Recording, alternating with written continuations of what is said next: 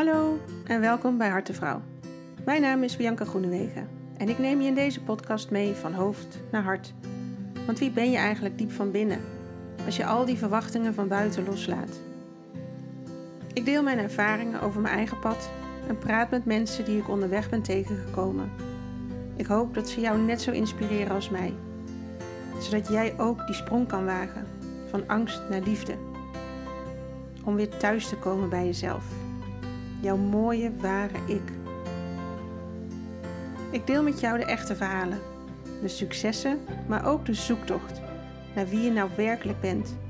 Want die zoektocht kennen we allemaal. En hoe meer we delen, hoe meer we helen. Want jij, mooi mens, mag precies zijn zoals je bent. Laat je inspireren en kies je eigen pad. Ik nodig je uit. Ga je mee?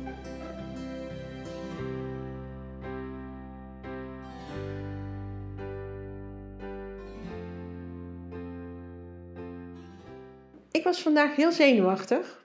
Echt heel zenuwachtig. Serieus? Ja, ik zit hier toch een beetje met de Uber-mama, voor mij in ieder geval, van Nederland. Nee, dat vind ik echt heel grappig.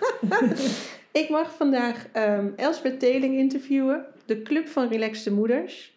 En ik denk samen met mij dat jij echt uh, heel veel ouders er doorheen hebt getrokken in de eerste jaren van, uh, van hun ouderschap. Ja, leuk. En uh, ja, ik vind het echt geweldig dat jij hier zit. Nou, en uh, nog zo om de hoek ook. Ja. Ik had op de fiets kunnen komen, maar ik had allerlei excuses bedacht om dat niet te doen. nou, hartstikke leuk. Ik ken de Club van Relaxte Moeders van Twitter van heel lang geleden, want ik ben ook al heel lang van Twitter af. Maar ik ging van de week kijken en er zijn boeken bijgekomen. Er zijn, ja. Je hebt blogs, je hebt een podcast, Mom You Can. Je hebt kleding gemaakt, kalenders, agenda's. Wow, echt heel ja. veel. Ja, ik begon um, tien jaar geleden voor mezelf als uh, schrijver. Daarvoor werkte ik uh, als schrijftrainer bij een trainingsbureau en als kennismanager bij PricewaterhouseCoopers. Toen besloot ik voor mezelf te beginnen. Um, als commercieel tekstschrijver eerst. En ik kon een boek gaan schrijven voor uitgeverij Snor. En um, ja, ik had zeg maar niet gedacht dat ik nu hier zou zijn. Weet je, dat ik hier bij jou in een podcast nee. zou zitten, dat iemand zenuwachtig zou zijn om mij te ontmoeten. Ja, echt wel. Dat ik uh, inmiddels zo'n tien boeken heb geschreven. En inderdaad, uh, ja, het is best wel bizar hoe ja. het is gelopen. En, en waar is het vandaan gekomen? Want um, je zou niet meteen bedenken dat PricewaterhouseCooper iemand voort, voortbrengt nee. die dit allemaal teweeg gaat brengen. Ja. Um, nou, ik heb altijd schrijven al leuk gevonden. Dus als klein meisje wilde ik eigenlijk journalist worden. Nou, dat kwam er niet van. Afgewezen op de school voor journalistiek, maar daarna ben ik communicatie gaan studeren. Verschillende banen gehad. Maar ik was wel in die banen ook altijd degene die de stukjes schreef. Of die de creatieve input had. Dus het zat wel al ergens. Um, op een gegeven moment... Uh, nou, heb ik Henno ontmoet, mijn man. Uh, kregen we Kate, mijn dochter. Uh, 16 jaar geleden is die geboren. Um, uh, ik werkte toen inderdaad bij PricewaterhouseCoopers. En op een gegeven moment was ik mezelf compleet voorbij gerend. We waren op vakantie in Bali. En ik was steeds zo moe. Ik zei, oh Henno, ik heb een jetlag. Ik voel me niet goed. En Henno die zei, nou, volgens mij voel jij je al maanden niet zo goed. Misschien moet je eens gaan nadenken. Oh, wauw. Ja. Toen zat ik onder een palmboom. en ik ging voor het eerst in uh, maanden of in jaren misschien wel ging ik eens voelen. En toen dacht ik, oh, ik geloof dat dit stress is. En toen ben ik daarna best wel een rotperiode ingegaan. Want toen kwam het eigenlijk los, kwam, ging ik het merken. Dat ik inderdaad mezelf voorbij was gerend. Kate was toen uh, twee jaar oud. En ja, ik denk zoals heel veel uh, ouders en heel veel moeders uh, inderdaad dan onder invloed van hormonen, onder invloed van de grote zorg die je opeens hebt en alles goed willen doen als moeder, was ik mezelf compleet voorbij gerend. En ik wist eigenlijk ook helemaal niet meer wie ik was. Nou, een lange aanloop om te vertellen hoe ik tot schrijven ben gekomen. ik kwam toen uiteindelijk na die zomervakantie in Bali kwam ik terug bij PwC met een hele fijne leidinggevende. En, um, en uh, zij ging goed naar me luisteren en toen zei wat doe je eigenlijk nog voor jezelf? Wat vind je echt leuk om te doen? En ik wist het gewoon even niet meer. En toen ben ik weer teruggekomen naar het schrijven en goed gaan nadenken. Wat wil je nou? En toen ben ik uh, ook op een gegeven moment in mijn vrije tijd een cursus verhalen schrijven gaan doen. Mm. Elke dinsdag fietste ik naar de stad en ik had er zoveel lol in. Ik kreeg zoveel energie uit. En, eh, en eh, ik had zelf natuurlijk veel schrijftrainingen gegeven, maar dit was fictie, was weer heel anders. Hè. Ik gaf zakelijk schrijven eh, als training. En ik had er dus heel veel lol in. Ik, op een gegeven moment ging ik meedoen aan schrijfwedstrijden. En toen op een gegeven moment toen won ik een schrijfwedstrijd van de Volkskrant. Met een verhaal over een vakantie. En toen dacht ik, nou, misschien moet ik toch dit wel serieus gaan nemen. En moet ik hier wat mee, want dit is wat ik leuk vind. Nou, dat heb ik een tijdje laten borrelen. Tegen wat mensen gezegd. En uiteindelijk werd het waar. En toen dacht ik, uh, van, ik ga mijn baan opzeggen en ik ga kijken of ik als schrijver aan de bak kan. En, um, en toen ik dat had besloten, toen had ik uh, contact met uitgeverij Snor. Want zij waren op dat moment een project met mijn man aan het doen. En, en Hello, mijn man, die had tegen uitgeverij Snor gezegd van... Goh, kijk eens op de site van Elsbeth. Want ik schreef toen wel af en toe kolompjes en blogjes. Misschien uh, vinden jullie het leuk wat zij doet. En zij wilde toen net een boek voor moeders uitbrengen. En toen durfde zij met mij uh, in zee te gaan. Wauw. Zo is Relax allemaal geboren, het boek. Allemaal ja. bij elkaar zo. Ja, alles kwam bij elkaar ja, inderdaad. wat goed. En uh, nou, toen is het boek ontstaan. in april 2012 is dat uitgekomen. Dat eerste moederboek van mij. Relax Mama met 101 tips om een relaxte moeder te worden, te zijn en te blijven. Inmiddels had ik ook teun gekregen trouwens. Die, was, uh, die hing toen aan mijn benen, zeg maar, toen ik dat boek schreef. En um, om dat boek in de markt te kunnen zetten, hadden we natuurlijk aandacht nodig. Dus ik had met de uitgeverij bedacht, we gaan een Facebookpagina starten. Ja, het is uh, negen jaar geleden nu. Ik wist nog helemaal niet veel van Facebook, hoe je een zakelijke nee. pagina of een pagina voor een boek kon openen. Maar goed, we hebben wat aangeklooid en wat gedaan. Ik zei tegen uitgeverij Snor van, goh, hoe lang zullen we dit dan doen? We dachten, nou, dan houden we die Club van Relaxte Moeders. Ja, we noemen die Facebookpagina Club van Relaxte Moeders, vonden we wel grappig. En weet je, doen we dat een jaartje. En uh, inmiddels zijn we negen jaar verder, tien boeken verder, 150.000 volgers op Facebook. En uh, ja, ja, dat zit een beetje uit de hand En is dat dus nu mijn werk. Ja. Dat is wel te gek, ja. hè? Dat dat gewoon kan. Ja. Ja, fantastisch. Dus ja, nee, dit had ik zeg maar niet verwacht. Nee. Negen jaar geleden toen ik mijn, baas, mijn baan bij PwC nee. opzij. Nee. Nooit gedacht. Ah, wel te gek. En al helemaal niet toen ik trillend onder die palmo zat. Nee, maar misschien wel ook dat er gewoon een heel groot creatief deel van jou nu gevoed is de afgelopen negen jaar. Ja, ik bedoel, alles, voor mij is alles inspiratie, mijn kinderen, alles wat ik doe, uh, alles is, ik doe nu wat ik leuk vind. Eigenlijk dus, ja, ik ben eigenlijk geworden wat ik als kind al wilde. Ja, ja te gek. Dat is wel heel Ja, zeker. Ja. En ik weet in het begin ook, want ik was ook zo'n moeder die het niet zo goed wist, of in ieder geval ik wist het niet goed, maar ik deed alsof ik het wel goed wist. Ja. En ik was heel hard bezig om het goed te doen. En, ja. en hè, wat, ja, hoe moet je goed je kind opvoeden? Nou, nou, dat en dat moet je allemaal doen. Nou, dat was ik heel hard aan het doen. Ja. En toen dacht ik eerst, toen ik van de Club van Relaxte Moeders hoorde, dat ik dacht... En dan moet ik ook nog relaxed zijn. Schijns uit. ja.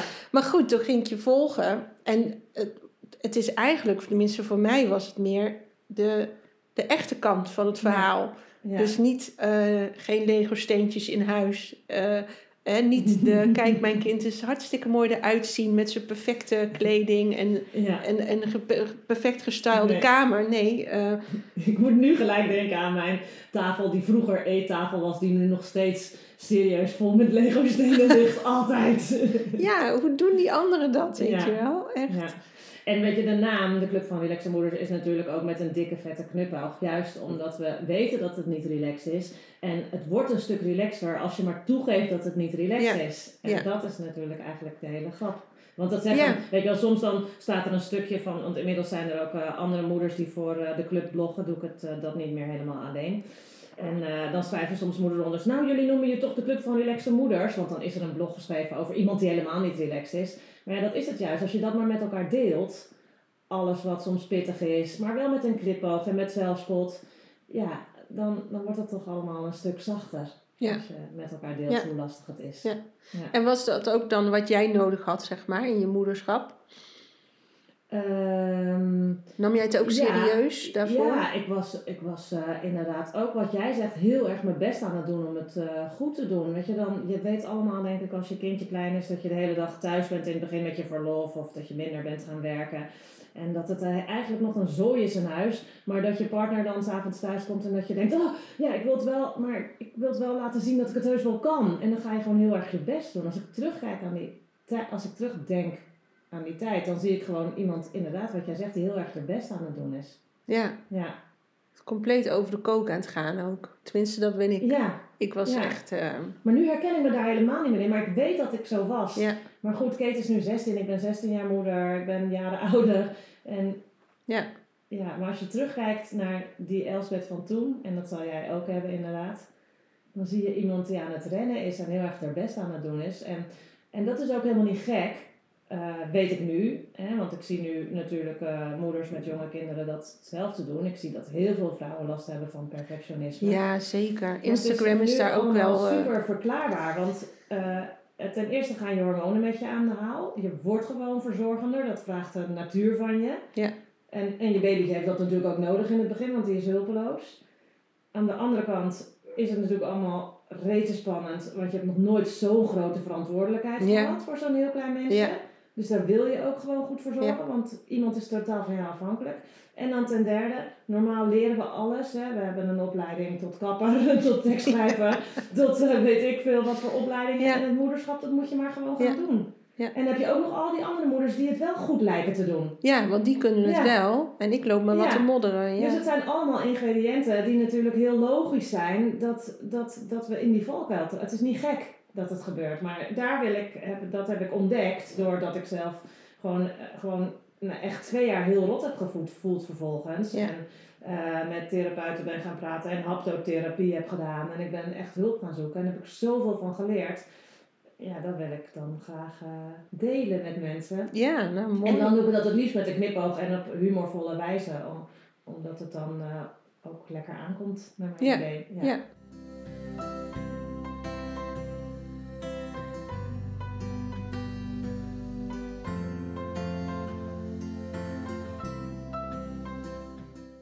En ik las in een artikel dat eh keto best wel een lastige start gehad heeft. Dus is Ja. dat dan ook nog extra spannend dat je nog extra je best gaat doen? Heb je dat zo ervaren? Nou, Kate is inderdaad, eh, die is geboren met 35 weken. Alleen ze had daarbovenop ook nog een groeiachterstand van 5 weken. Dus ze Mm. was maar anderhalve kilo. Dus, ehm, maar daarna, ze heeft drie weken in het ziekenhuis gelegen voordat ze naar huis kwam. Maar ze deed daarna wel heel goed gelijk. Dus we hebben daar niet per se direct grote zorgen over gehad. Maar ja, bijvoorbeeld op zo'n punt als eh, dat ze goed moest eten, daar waren we, zaten we er misschien wel iets te bovenop. En, Mhm. eh, eh, daar moesten we onze weg wel in vinden van hoe gaan we daarmee om. En Henno had een andere aanpak dan ik. Hij was veel meer van het streng zijn en, en ik ging dat dan maar overnemen van hem. Ja, Terwijl dat helemaal niet bij me paste. Dus ik heb, je moet zo je eigen opvoedstijl nog vinden en dat Ja. ook nog in elkaar. Dus daar heb ik wel uiteindelijk van geleerd dat dat ook niet goed voor mij is geweest. Dat ik het heel erg op een manier ging doen die Ja. dacht dat hoorde. Ja. Of die bij hen ook paste, maar niet bij mij. En ik heb inmiddels ook wel geleerd, en dat roep ik ook heel graag naar alle andere ouders. Vind je eigen manier en je hoeft niet hetzelfde te zijn als je partner. Want dat kan niet. Je hebt allebei een andere achtergrond, Ja. Ander karakter. En je kind vindt het ook niet erg als je allebei wat anders doet. Want die moet ook verschillen leren. nee, en die Ja. snappen dat ook. Ja. Van als je met papa thuis bent, dan kan je dit wel doen. En als je met mama thuis bent, kan dat niet. Of andersom. En het is Dat heel oké. Ja. Als, je- als het maar, ik geloof heel erg dat het inderdaad jouw eigen intrinsieke waarde moet zijn. En dan geloven ze je. En dan gaan ze ook niet tegen je in. Dan heb je die strijd niet. Maar als je iemand anders strijd aan het voeren bent, ja, ik breken ze. Al die valkuilen heb ik gedaan. Ja. En het is, ik, ja, en, dat, en daar heb ik zoveel van geleerd. Dus dat wil ik gewoon zo graag roepen naar anderen. Ja, Het is gewoon veel relaxer als je jezelf kan zijn. Eigenlijk is dat hele moederschap wel één grote zoektocht naar jezelf. Hè? absoluut. Ja. Ja, ik doe niet anders. Ja. Ik doe eh, meerdere cursussen per jaar van zelfontwikkeling. Dat gebruik ik ook zeker voor mijn werk. Maar ja, nee, dat is de grote spiegel die je krijgt. ja. Ja, anders weet je dat ook Nee. niet. Nee. Dus dat is eigenlijk prachtig wat kinderen je geven. Ja, Dat ja, is wel Ja. heel erg confronterend. ja, zeker. En ehm, ben jij, want je zegt ik wil er relaxed over zijn. Jij komt op mij heel erg over als ultra relaxed. Dan heb je ook nog een skatekind wat al helemaal een Mhm. relaxte wereld is. Ja. Maar daar lijkt je ook heel relaxed mee om te gaan. Terwijl ik me ook kan voorstellen dat dat best spannend is of ook moeilijk. Van ja, wat gebeurt er bij haar nou allemaal? En ze wordt eigenlijk in een Ja. hele grote wereld opgezogen. ja. Ehm, hoe, hoe blijf je dan relaxed daarin? Nou, ik denk dat ik ook nu best wel kan zeggen dat ik best wel relaxed in het leven sta. Dat durf en natuurlijk niet altijd, weet je wel. Ik doe Mhm. ook stomme dingen waar ik dan gestrest over ben. Of, en ik vind het, maar het, dat is wel iets wat ik echt met vallen en opstaan heb geleerd. Ik bedoel, toen Teun klein was, heb ik ook nog eh, in, weer, ben ik weer opnieuw in therapie gegaan. En toen de coronacrisis vorig jaar begon, had ik ook opeens weer een week echt paniekaanvallen. Dus het is niet altijd zo, maar ik geloof heel erg dat je het echt kan leren. Weet je, vroeger dacht ik, ik ben zo. Ik heb af en toe van die hartkloppingen en slechte adem. Ja. Vroeger dacht ik, ik, je bent zo. Maar inmiddels heb ik geleerd, nee, je kan echt leren om emotioneel stabieler en relaxer te zijn. Dat gezegd hebbende, wat was ook al je vraag? Hoe lukt het me nu om eh, relaxed eh, te zijn? Nou, dus door heel veel over mezelf geleerd te hebben. Mhm. Ehm, vertrouwen in mijn kind te hebben ook. Ehm, jeetje, wat een moeilijke vraag. Hoe lukt het me? Ik weet niet. We doen het ook met z'n allen natuurlijk. eh, Ja, Om zeker. inderdaad, als ik dingen spannend vind, uit te spreken. Ja. Ja, nee, ja, ik ben natuurlijk ook niet altijd relaxed. Ligt ook nog aan de periode van de maand. Ja, dat snap Op ik dit ook. moment eh, ben ik Ja. relaxter dan over twee weken weer waarschijnlijk. Ja. En ook eh, dat heb ik heel erg geleerd om je eigen patronen te leren kennen. En Ja. ik weet niet, je hebt vast wel die boeken van Brené Brown gelezen. In een van haar boeken is haar eerste zin inderdaad, ik kan hem nu niet letterlijk citeren, maar het gaat, van, het gaat erover dat je je patronen moet leren. En toen zag ik die zin, toen dacht ik, ja dat is waar, weet je wel. Alles komt elke keer weer terug. En dat, het heeft me gewoon zo geholpen, geholpen om mezelf te leren kennen. Ja.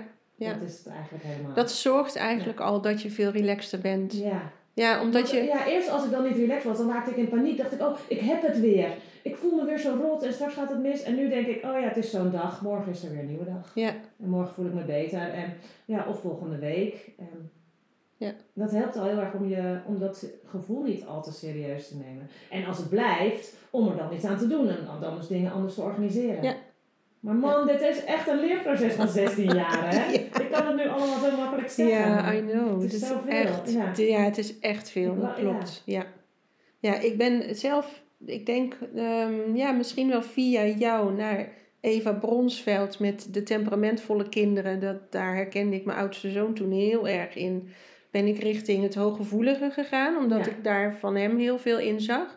Nou, dan kom je na een aantal jaren dat je er volledig op dat kind focust met zijn hooggevoeligheid. Ineens vloep, komt de spiegel naar mezelf. Ja. En dat ik dacht, oh, het gaat ook over mij. Ja. Nou, en, en zo rol je daar dan in. En ehm, ja, daarna is het niet meer gestopt ook. Want nee. steeds ontdek je weer nieuwe dingen van jezelf. Het is En, eigenlijk alsof je je eigen gebruiksaanwijzing eh, absoluut. nog aan het ontleden Ja. bent. Die je in het begin nog heel graag op dat kind plakt.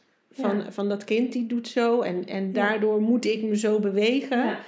Maar dat is alleen maar een, een manier om te laten Ja. zien hoe jij in elkaar steekt als Ja. moeder of als mens. Maar Ja. dat is toch mooi, hè? weet je wel, je hebt zo'n dooddoener, oh je krijgt er zoveel voor terug voor kinderen.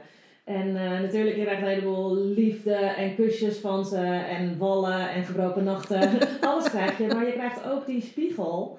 Ja, je Ja, krijgt dat. zoveel Ja. levenswijsheid eigenlijk, doordat je kinderen hebt Ja, gekregen. echt de groei. Ja, Ja, die ik ook. Ik denk dat ik anders nooit zo sterk gegroeid zou zijn. nee. Want nee, waarom zou niet. ik? Je moet niet, je hebt niet die noodzaak. Nee, en ik kon het heel goed verhullen, ik kon er heel goed onderweg duiken. Maar met een kind recht voor je kan je niet meer wegduiken. Nee. Nee. Dus dan moet je wel. Ja, en dat is eigenlijk ook wel precies de reden waarom ik mijn laatste boek, Mom You Can, heb geschreven.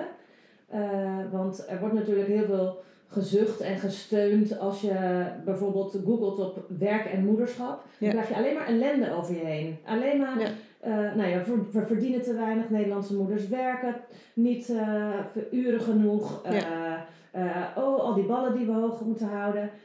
En it's all true, weet je, is allemaal waar. Maar die andere kant, Ja, die is Eh, ook waar. die is ook waar. Ja. En die wordt niet hard genoeg geroepen. Dus we gaan allemaal geloven in dat zware gedeelte. Ja.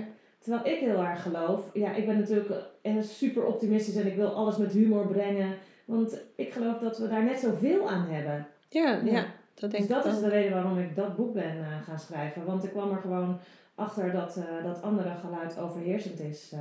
Ja. En daarna ging ik eh, in wetenschappelijk onderzoek duiken en kwam ik erachter dat het ook wetenschappelijk bewezen is dat je hebt en de conflicttheorie die mensen aanhouden. Dus het is in conflict, ouderschap en kinderen. En je hebt de verrijkingstheorie. En die, dat is waar wij het nu over Ja. hebben. Hè. Kinderen verrijken je leven, maar kunnen ook je werkende leven verrijken. En, en die is net zo waar. Ja. Alleen, die haalt de media niet. Nee. Dus gaan we allemaal meer in dat conflict geloven. Ja. Ja. Dus wordt dat groter. Ja. En ik wil juist die andere Ja. kant ook eh, vergroten. Ja, dat Zonder die andere kant, eh, die conflicttheorie en de moeilijkheid eh, natuurlijk te negeren. ja, want dat is er ook. Ja. Maar het is dat stukje van wat je aandacht geeft groeit. Je kan ervoor Ja. kiezen om altijd in het conflict te kijken. Of je kan ervoor kiezen om altijd naar de groei te kijken. ja. En het is allebei waar. Dus dat is mijn missie. Ja, heel goed.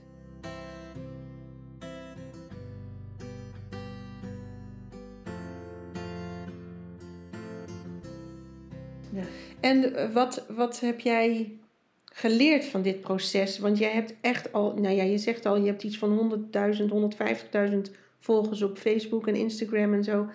Wat, jij inspireert echt moeders hiermee. Wat, wat is daar jouw les uit geweest?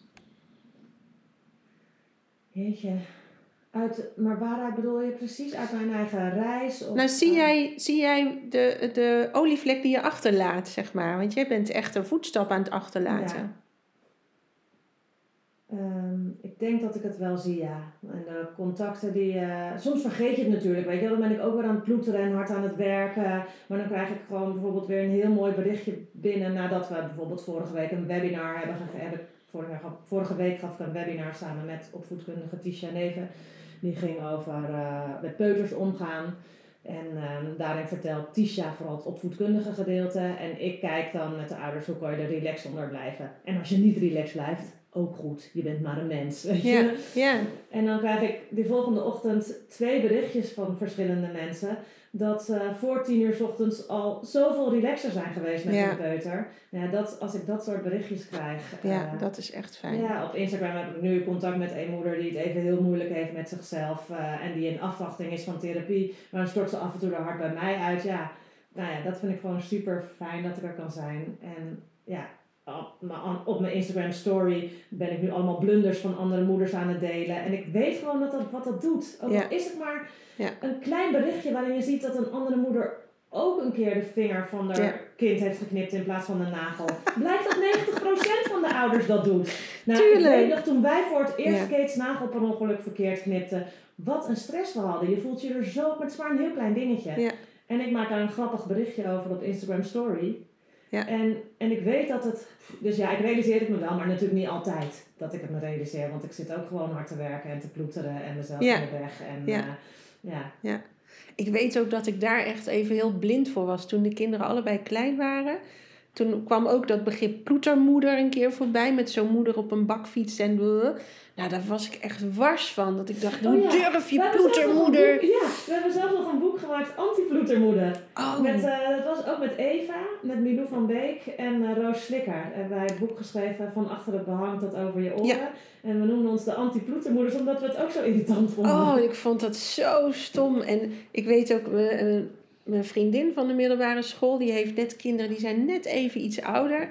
En zij was toen net al uit de basisschool of uit de, de peuterleeftijd met allebei.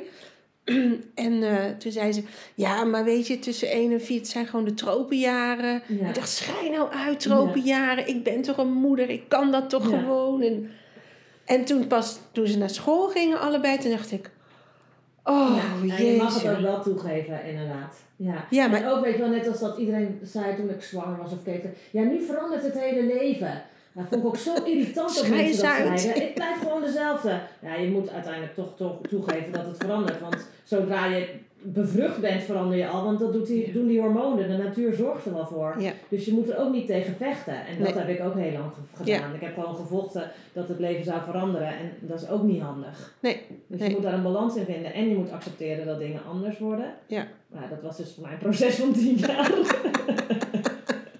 Ja, en ik merkte Ja. zelf ook wel, één kind, dan kon je nog best wel goed doorgaan met je leven. Want die nam je dan gewoon Ja. mee en die legde je daar op Daar was bed. ik dus al gestrest bij. En toen kwam de tweede. Ja, en toen kwamen er allerlei Ja. eh, patroontjes en, en dagindelingen door elkaar. Ja. Dat je dacht, ja oké, en nu kan ik geen kant meer op. Ja. nu moet ik dus mij even naar de achtergrond verplaatsen en voor die kinderen gaan. ja. En ja, ook dat vond ik heel erg lastig. Want Ja. eh, je was zo gewend om het op jouw manier te doen. Ja. En om die controle te hebben. En-. En dan staan er ineens kinderen voor je neus. Nou, dan gebeurt natuurlijk niks meer zoals je het Nee. gepland had. Nee, het is wel jammer hè, dat je niet kan programmeren. Ja, en toch ook weer niet hoor, moet ik zeggen. Want we hebben ook wel eens... eh, mijn, mijn oudste die heeft soms sociaal... is die niet de meest eh, sociaal wenselijke gedragingen. Ja. Ik vind het oké, want ik weet dat hij het doet. Het is Ja. een super lief kind en hij heeft het grootste hart wat ik ken. Maar ehm, je merkt dat mensen die heel erg op die sociale gevoeligheid zitten, Ja. die vinden dat gek dan wat Ja. hij doet. En, en die hebben ook hun kinderen op zo'n manier, ja, ik zou bijna afgericht zeggen, maar dat klinkt heel onaardig. Maar die doen het keurig, hè? die stellen zich voor, die geven een handje, die bedanken mensen. Oh ja, die ken jij. Ja, die ken ik. Oh, Maar dat doe ik. Geval, mijn kind doet dat niet. ik ken die kinderen niet. Dus ehm, in het begin dacht ik, jeetje, wat goed hè, dat die kinderen het zo doen. En op een gegeven Ja. moment toen ik ging zien dat dit is wie hij is, Ja. dacht ik, ja, maar wat is nou knapper? Dat je jezelf kan blijven in die wereld die wat Ja. anders verwacht? Of dat je je heel goed kan aanpassen? Ik was een meester in aanpassen, maar dat heeft mij niet gediend. Nee. Ik ben blij Nee. dat ik nu ook wat meer tegen de gevestigde orde kan, Ja. Kan blijven staan eigenlijk. ja, en dat is wat je, ja, dat is ook wel wat ik hoop voor mijn kinderen, dat ik ze onvoorwaardelijk, eh, ja, dat ze mogen zijn wie ze zijn, Ja. inderdaad. eh. Ja, Maar soms dan vind je dingetjes toch niet zo leuk voor je kind of zijn ze niet Ja. handig en dan hoop je toch eigenlijk dat het anders kan, maar dat moet je dan toch weer realiseren. Ja, een beetje opvoeden moet natuurlijk ook wel, maar ja maar Ja. minder dan je denkt wel vaak. Ik denk dat je veel meer mag kijken naar hoe steekt dit kind in elkaar en wat heeft die nodig. ja, En, en ja, dan krijgt hij het ook moeilijk in de huidige maatschappij. Maar ja, dan is dat de les. ja. Ja, ik denk, ik heb me heel goed Misschien kan je aangepast. zelfs in de huidige maatschappij wel weglaten, want dat was vroeger misschien nog strikter zelfs, mocht je misschien Ja. nog minder. ja, ik Ja. denk, toen was er nog minder ruimte. Ja. Dus toen was er überhaupt wel weinig besef misschien van wie je nou zelf was. Want toen moest je gewoon, je was een meisje en dan werd dit en dit en dit van jou verwacht. En dat is het leven wat je ging leiden. ja. Heeft Kate nooit aan kunnen voldoen? Nee, nee, precies. Nee.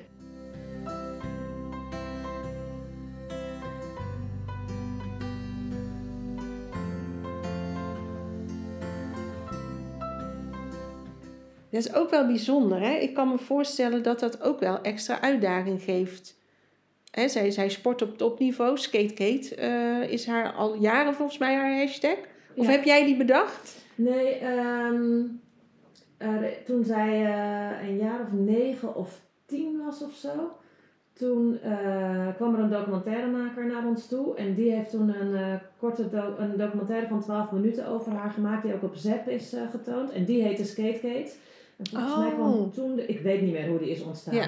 Maar eerlijk gezegd, ze is nu wel een beetje zat hoor. Nu wil ze toch wel, ze zal hem nu niet zelf meer gebruiken. En Nee. laatst stond er een interview in de, zit dat zo, dat blad? Ik weet Ja. niet, zie zo, Ja. zit dat zo. En daar staat dan ook weer heel groot skatekate. Nou, dat is prima, is voor de jeugd, weet je wel. Maar zelfs als ze, ze heeft liever niet meer, eh, ze wil Nee. gewoon Kate Ollendeuving. Ja, precies. Zij is Ze- gewoon. Net als Jantje Smit, geen Jantje Smit weer genoemd wilde worden op een gegeven moment. Ja. Ja. ja, en voor haar is het gewoon zo. Hè? Voor, voor ons als En eh, jij zegt, hoe is dat dan? Weet je wel, kan je daar relaxed onder... Maar zij is natuurlijk ook niet van de een op de andere dag een topsporter geworden. Nee. En van de een op de dag een, eh, een Olympisch atleet geworden. Wij zijn natuurlijk... Zij kon ook niet van de een op de andere dag van een rail afskaten. Weet Nee. je wel? Zij is natuurlijk ook gewoon begonnen met rechtdoor rijden. En van een klein heuveltje en een kleine ollie. Ik ken al die termen niet hoor. Dus je groeit natuurlijk als ouders mee. Die, die skateboardwereld. ehm, ja, Henno die kende hem wel een beetje, want hij heeft vroeger geskateboard. Zo is Kate ook aan haar skateboard eh, gekomen. Ehm, maar ik kende die skateboardwereld niet. Maar goed, eerst heb je een wedstrijdje waar je meegaat. Gewoon in de hal hier in Utrecht. Dan ben je een keer in Enschede. eh, Ja, eh, en ja, toen gingen we naar het buitenland en leer je buitenlandse skateboarders kennen. En weet je, leer je hoe die scene in elkaar zit. Zie je dat het allemaal hele lieve mensen zijn. ja, ja. En het is een hele lieve sport. Iedereen support elkaar. Ja. Ik heb alle Ja. vertrouwen. Wij hebben hele goede vrienden uit Argentinië. Dat is onze skateboardfamilie. Die we nu natuurlijk veel te weinig kunnen zien. Of niet kunnen zien. Dus dat is denk ik hoe ik er relaxed onder blijf. Ja. Ehm, we- zij heeft ons erin meegenomen eigenlijk. En zij heeft ons een hele nieuwe wereld eh, laten zien. En zij heeft ons de mensen leren kennen die... En zij staat er ook relaxed in volgens mij, hè? Ja, maar dat versterkt elkaar natuurlijk ook wel. Ja, eh, ja. ja. En natuurlijk is het niet altijd relaxed, weet je wel. Eh, natuurlijk, eh, het was spannend toen we nog naar het buitenland mochten vliegen om de schema's op elkaar te krijgen. Het was Ja. spannend als we weer visums moesten regelen en door al die formulieren heen moesten gaan. Het was spannend als er toch stress was over een uitslag. Natuurlijk zitten er ge- genoeg spanningen bij. Ja. Het is straks spannend als nog de Olympische Spelen doorgaan. Eh, dan is het spannend. Gaat zij alleen naar Japan? Ja, hoe gaat dat zijn? Wil ik dat wel? Ja. ik, ik weet het niet. Ja. En Teun, die gaat naar de middelbare school of nog niet? Teun zit in groep 7 Groep 7. en dat is een eh, totaal ander kind. Eh, Ja. En Kate, daar herken ik mezelf wel in. Dat is een meisje en eh, heeft een beetje hetzelfde karakter als ik. En we kunnen over leuke dingen praten. We kunnen leuk samen Netflixen. En eh Teun is een totaal ander jongetje. En het is een jongetje. Hij eh, heeft enorme fantasieën waar ik niks van begrijp. Hij zit, eh, net als heel veel kinderen, nu enorm in Minecraft. Maar dan zit hij weer daarin. En zijn gedachten gaan alle kanten op. En eh, ja, dat is een heel leuk creatief kind, maar het is moeilijker om te snappen soms. Ja, Dat je zo anders. Aan de andere kant, als we aan het wandelen zijn, van de week gingen we eventjes een eh, stukje wandelen, hij op de step, ik te voet, zit hij een half uur tegen me te babbelen, allemaal in zijn eigen fantasie. En ik zeg af en toe, oh ja, nee echt? maar ondertussen zit ik ook in mijn eigen fantasie. Dus misschien in mijn eigen boeken en mijn Ja, eigen verhalen. en ja. eigen, dus misschien lijken we meer op elkaar dan ik Ja. denk. Ik denk dus dat we meer op elkaar lijken. Alleen, het heeft een andere inhoud. Maar we zitten allebei enorm in ons hoofd. Als hij gaat slapen, zegt hij ook, en dan ga ik even een verhaaltje bedenken. En als ik ga slapen, dan denk ik van, oh, dan ga ik ook alvast even denken wat ik zou kunnen schrijven. Dus in principe staat dat ja inderdaad. Alleen even in een andere wereld, Ja, zeg maar. een totaal andere wereld. Ja. Oh, wat mooi. Ja, zo komt hij ook wel, wat ik zeg maar, als ik informatie over hem lees of wat ook, dan voelt hij heel erg ehm, ja, fantasierijk, maar ja, echt zo'n nieuwe tijdskind ook, waarin, waar alles mogelijk is. Ja. Hij heeft nog helemaal niks gekaderd van, ja, vind ik heel mooi, heel Ja. open en onbevangen. En wat, ook, wat hij ons dan natuurlijk ook heeft geleerd. Kijk, eerst hadden we Kate. Kate kon alles op sportief vlak. Die eh, kon gelijk lekker voetballen, die kon leuk judoën. Nou, skateboard eh, ging goed. En eh, nou ja, wij dachten natuurlijk toch dat dat ook wel een beetje onze verdienste was. en toen dan, zes jaar later, Teun. Ehm, en ja, die is helemaal motorisch niet handig en die houdt helemaal niet van sporten. en eh, nou ja, dus het is zo grappig wat het ook je weer leert, weet je wel. Ja. Eh, ja. Het is best wel, soms even, vind ik het best wel jammer dat Teun niet van sporten houdt. Dus dan Ja. moet ik dat eh, ook weer even bijstellen voor Ja, mezelf. ja. En ja, ik bied hem wel dingen aan. En kijken, vind je dat leuk, vind je dat leuk? Maar ja, het is zo'n ander kind. Ja. En uh, ja, zo zie je toch dat het helemaal niet zoveel met jezelf te maken heeft. Maar dat het kind het zelf toch... Uh, Ja. En dat het ook echt Kate's eigen verdienste is. Uh, ja, ja nou ja, misschien wel door jullie instelling. Of hier, natuurlijk geef je wat mee. Maar ja. ja. je kan niet bepalen inderdaad in hoeverre jouw kind daarin gaat... Uh, nee gaat scoren of uitblinken. Nee, dat nee. geloof ik ook niet. Wij hebben ook met onze oudste altijd gezegd van... ja, je moet op een teamsport, want dat is goed voor je. En hoe, meer, hoe ouder hij werd, hoe meer wij ook dachten... Ook echt niet. Hoezo willen we dit, weet je? Hij heeft vrienden en binnen een andere sport... kan je ook in een groep gewoon prima ja. gedijen. Maar ja. doe je de sport aan zich alleen. Ja. En hij is nu aan het bolderen, dat klimmen oh, zonder touw. Nou, en daar gaat hij helemaal van aan. En denk ik, wat ja. hebben we lopen doen met die ja. teamsporten? Dat ja. past helemaal niet bij hem. Hij wil best bezig zijn. Een bepaald idee in je hoofd, een bepaald ideaalbeeld. Ja, maar ook van dat is goed voor ook, je. Wie zegt dat? Ja. Dat is een, een, een verwachting of zo die helemaal niet voor iedereen opgaat. Ja. Ja, nee. de steun leert ons weer hele andere dingen. Kate heeft ons een skateboardwereld leren kennen.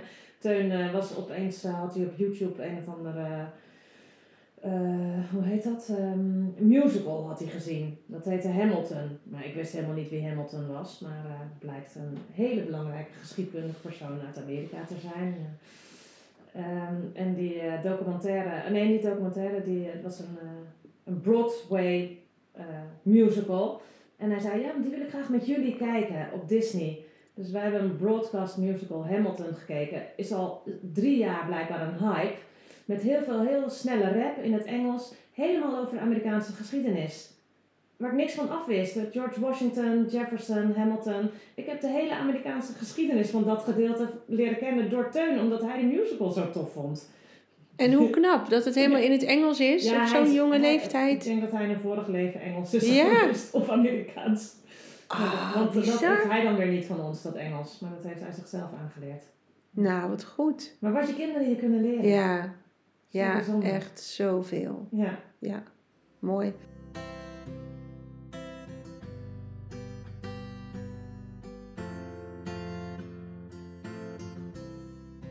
Heb je nog plannen met de club?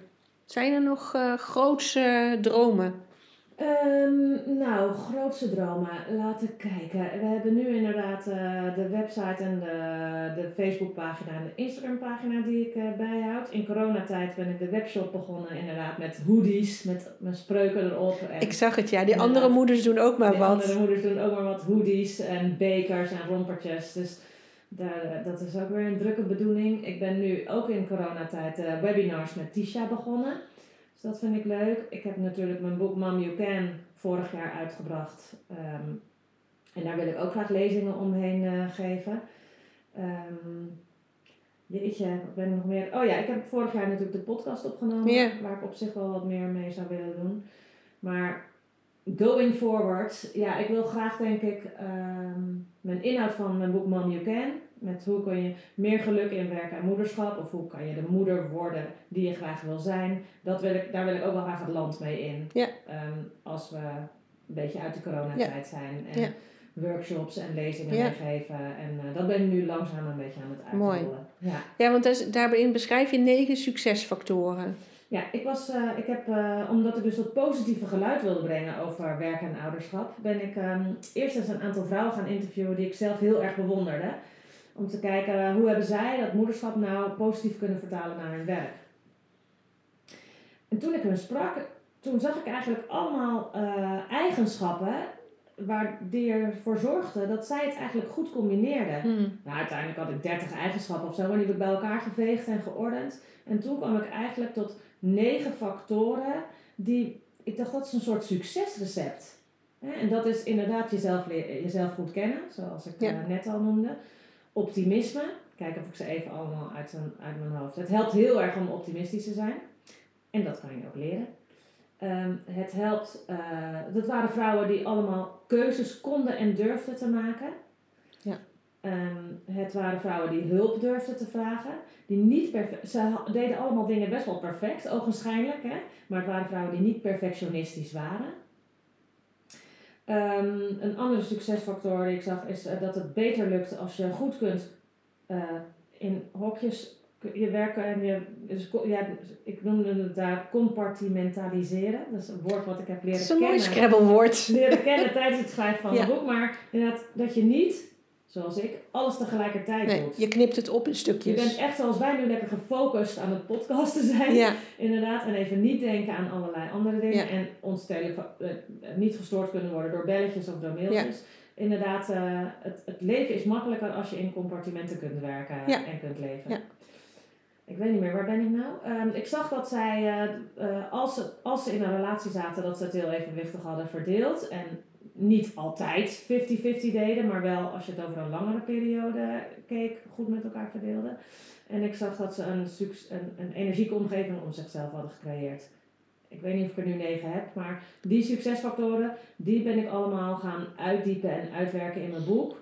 Eh, want ik denk als we daar nu allemaal naar kijken, dat we er heel veel van kunnen leren met Ja. z'n allen.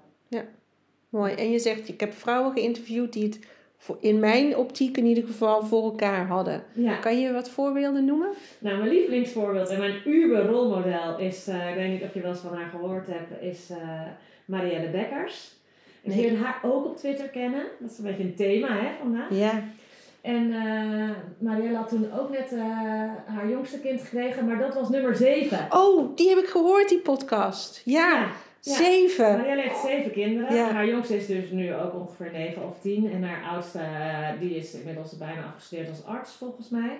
En ehm, ze had niet alleen zeven kinderen. Ze is ook nog super sportief. En ze werkte toen deels op de universiteit. Was de eigen pedagogische bureau aan het opzetten. En ik dacht, oh, dat is echt een ubervrouw. Hoe kan zij het? En nou, we kwamen in contact via Twitter. En toen zijn we bevriend geraakt. Ze is echt super leuk. En eh, ja, en, eh, dus zij is een van de vrouwen waarvan ik dacht, wat is haar geheim? Ja, ja, ja. En ik heb het geheim dus nu ontrafeld. Ja. Dat staat in mijn boek. Dat is het succesrecept. Heel Nou, dat goed. is één iemand. Eh, iemand met wie ik ook, eh, naar wie ik ook met heel veel bewondering kijk, is Elise van der Velde. Ehm, zij heeft een meervoudig gehandicapte zoon. En ehm, eh, die is inmiddels is hij 18 misschien al. Maar ja, zij moet hem nog steeds overal mee helpen. Hij kan Ja. praten. Ja. En, eh, ja. en, en daarna heeft ze nog twee kinderen gekregen die eh, verder eh, gezond zijn, zullen we Ja. zeggen. En, ehm, en, en haar grote kracht is dat zij heel optimistisch is. Dus Ja. weet je wel, waar ik een keer een blog had geschreven over Marielle. Ehm, over dat zij het allemaal lekker deed. Toen kreeg ik allemaal reacties van vrouwen. Ja, maar haar kinderen zijn gezond. Ja, maar zij heeft een man die veel helpt. Ja, maar dit. Ja, maar dat. Ja, maar... Ja, maar. Maar Elise, die heeft een kind wat meervoudig... Maar het gaat erom hoe je ermee omgaat. Ja, met ja. je optimisme. Ja. Ja. Dus dat is bijvoorbeeld iemand... Ja, ehm, ik weet niet of je de podcast hebt geluisterd over op- optimisme. Daar heb ik Gemma Broekhuizen geïnterviewd. Dan was je Zij met z'n drieën, toch? Ja, bij alle podcasts deden Oh, drieën. ja. Ehm, zij, eh, zij heeft die milestone cards eh, die je misschien wel kent. Ja, volgens mij heb ik die geluisterd. Ja, zij is, eh, vind ik ook een heel leuk iemand. Verder, Anne werkte voor Shell. Een mooie baan bij Shell. Heeft inmiddels vier kinderen, reisde overal. Ja, zo allemaal. Ja, Maar ook eh, een vrouw, Annemarie, die een hele toffe baan had ehm, bij een instituut waar ze kunst uit de oorlog verdwenen kunst terugvonden. Ik weet niet, een restitutiecommissie heet het geloof ik. En zij was daar een soort rechercheur, een soort opsporing. En dan zocht zij kunst die van, door de nazi's gestolen is van Ja. de joden. Om zij die was- weer terug te ja, brengen. dat, ja, dat was Ja. haar baan. En ze wist eigenlijk niet of ze kinderen wilde, toen uiteindelijk toch besloten. En ze was eigenlijk een behoorlijke workaholic. En zij heeft besloten om te stoppen met werken. Heeft inmiddels nu twee kinderen. Toen ik haar interviewde, één. En ehm, zij combineert het moederschap met werk dus, door besluiten niet meer te werken, maar ook op zo'n krachtige manier, Ja. ook met haar volle overtuiging en dit wil ik nu doen. Ja. En waardoor, waar ze ook eigenlijk die negen succesfactoren voor nodig had om die beslissing zo, en dat vind ik ook een mooi voorbeeld. Want ik ben er niet van, je moet zoveel werken of je moet dit of je moet dat. Als jij op dit moment in je leven de keuze maakt om niet te werken, ook prima. Ja, precies. En dat is, zou je misschien niet zeggen als je denkt, mom you can, meer geluk in werk en moederschap. Maar die kant vind ik eigenlijk ook belangrijk. Ja, maar ook daarin kun je de keuze maken Ja, om het op jouw manier te doen. En Ja. daar oké mee te zijn. Ja. Want ja, ik weet dat voorheen had ik ook een vriendin en die zat thuis, heel bewust. Maar die voelde zich altijd schuldig dat ze niet werkte. Ik zei, maar waarom? Jij is hebt ervoor niet, gekozen om voor, voor je kinderen thuis te zijn. Dat is een hartstikke mooie keuze. Dus waar zit en, dat en schuldgevoel? wat mensen dan ook vaak zeggen, ja dat is toch zonde van je opleiding Ja. en weet ik wat. Maar ik heb ook een vriendin die ook een paar jaar thuis is geweest toen de kinderen op de basisschool zaten. Maar die heeft niet stilgezeten. En je leert heel veel van dat hele proces en van jezelf. En zij is eh, zich blijven interesseren voor kunst. En, en zij heeft nu prachtige communicatiebanen binnen de museumwereld in Utrecht. Ja. Het is niet dat je, dat je doodbloedt of zo als je thuis zit. Nee, en die keuze is ook niet voor altijd. Je Nee. maakt die keuze voor dat moment Ja. en je kijkt En hoe lang keuze, dat past. ik denk dat heel veel vrouwen dat misschien ook hadden willen doen, Ja. maar niet durfden door druk uit Ja, omgeving, door angst of uh, kan van alles zijn. Ja. En die kant wil ik eigenlijk ook laten zien in het boek. Ja. Probeer gewoon heel erg de keuze bij jezelf te houden en wat bij jullie past. Ja, dat geloof ik Dat ook zou zo echt. fijn zijn als mensen dat durven. Echt, hè? Ja. Ik weet ook dat er jaren terug was er iemand van de P van de A. Die zei op een gegeven moment... Ik vind dat eh, vrouwen die gestudeerd hebben en niet gaan werken... Die moeten dat terugbetalen. Ja. En ik was daarvoor stemde ik nog wel eens P van de A. En daarna het mag gewoon niet meer. Dat Nee. ik echt denk, hoe kan je dit nou Ja. zeggen? Ja. Je praat iedereen een schuldgevoel aan. En dat Ja. is precies waar het misgaat. We moeten mensen gewoon een keuze Dus laten die wilde ik ook duidelijk een stem geven in mijn boek inderdaad. Mooi. En oh ja, ook, nou ja, ook, ik heb, eh, dit boek heb ik samengewerkt met Sandra. Zij was mijn, eh, zij was mijn uitgever, dus ze begeleidde mijn boek. Maar ehm, zij was juist de moeder die ervoor had gekozen om fulltime te gaan werken. En ze heeft twee zoons. En ook dat was natuurlijk voor haar een proces om dat te beslissen. En zij heeft een au pair. En dat vond ik ook weer een heel krachtige Ja. keuze. Ja. En wat zij weer heel goed kon, was dat compartimentaliseren. Ik- Soms kon ik haar niet bereiken, vond ik heel irritant. Maar ik heb juist van haar weer heel goed geleerd om die muurtjes te kunnen plaatsen. En da- zij is, ik heb ook een podcast met haar opgenomen Ja. waarin ze voorbeelden noemt waarin ze dat eh, goed kan. Oh, mooi. Echt heel leuk. Ja. Gaaf. Dus je blijft inspiratie tegenkomen. Eigenlijk. Ja, ja, soms heb je natuurlijk wel eens een weekje inderdaad eh, dat je niks hebt. En dan plopt er toch weer ook weer wat op in je hoofd. En Ja. dan gaan we weer verder en Ja. door. Ja. ja. Leuk. Heb je zelf nog een droom buiten die club van relaxte moeders voor jezelf? Voor je gezin? Dat je denkt, oh, als ik toch ooit... Oh ja, lekker gewoon reizen met onze camper. En dan kan ik... Maar ik vind het werken altijd leuk. Hè? Ik hou altijd van schrijven. Maar Ja. ik kan mijn laptop overal mee naartoe nemen. Ja. En eh, weer reizen gaan maken. En ja, ik ben ge- echt gek van onze camper. Dus eh, ik, wil, ik hoop dat we in de korte te- termijn, op de korte termijn weer eens een keer naar Engeland zouden kunnen. En Ja. daar- ik heb dat boek Het Zoutpad gelezen. Daar die kust, die zou ik zo graag doen. Maar ook wil ik nog eens naar Kroatië. En best wel, ja, ik zie het wel voor me om gewoon langer weg te gaan, maar toch te blijven schrijven. Mooi. Ja, dus dat eh, qua privé en eh, ja, dat die kinderen lekker doen wat Ja. bij past. Precies. Ja. Lekker zijn wie ze zijn. Mooi. Ja. Heb je nog een uitsmijter voor moeders die luisteren? Jeetje zeg, een uitsmijter voor moeders. Nou ja, je weet inderdaad eh, de, de grootste uitsmijter en de grootste lijfspreuk van de club. Misschien moeten we daar dan maar mee eindigen. Is toch altijd die uitspraak, die andere moeders doen ook maar wat. Ja.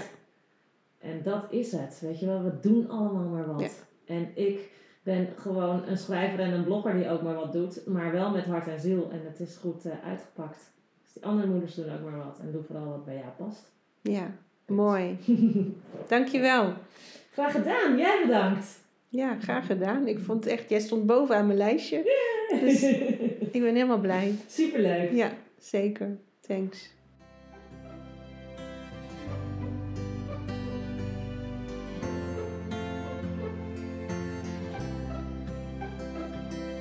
Dat was Hartevrouw voor deze week.